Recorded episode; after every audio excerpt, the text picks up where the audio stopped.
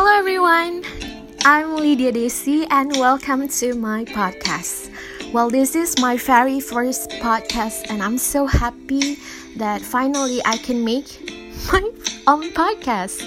Well, uh, in this podcast, I will share you about my story, story of my life, and the lesson learned, and hopefully this will make some insight, new insights for you.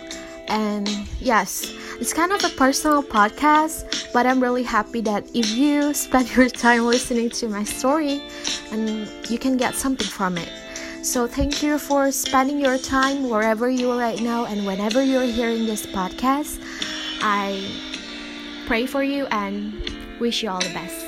Thank you. Bye.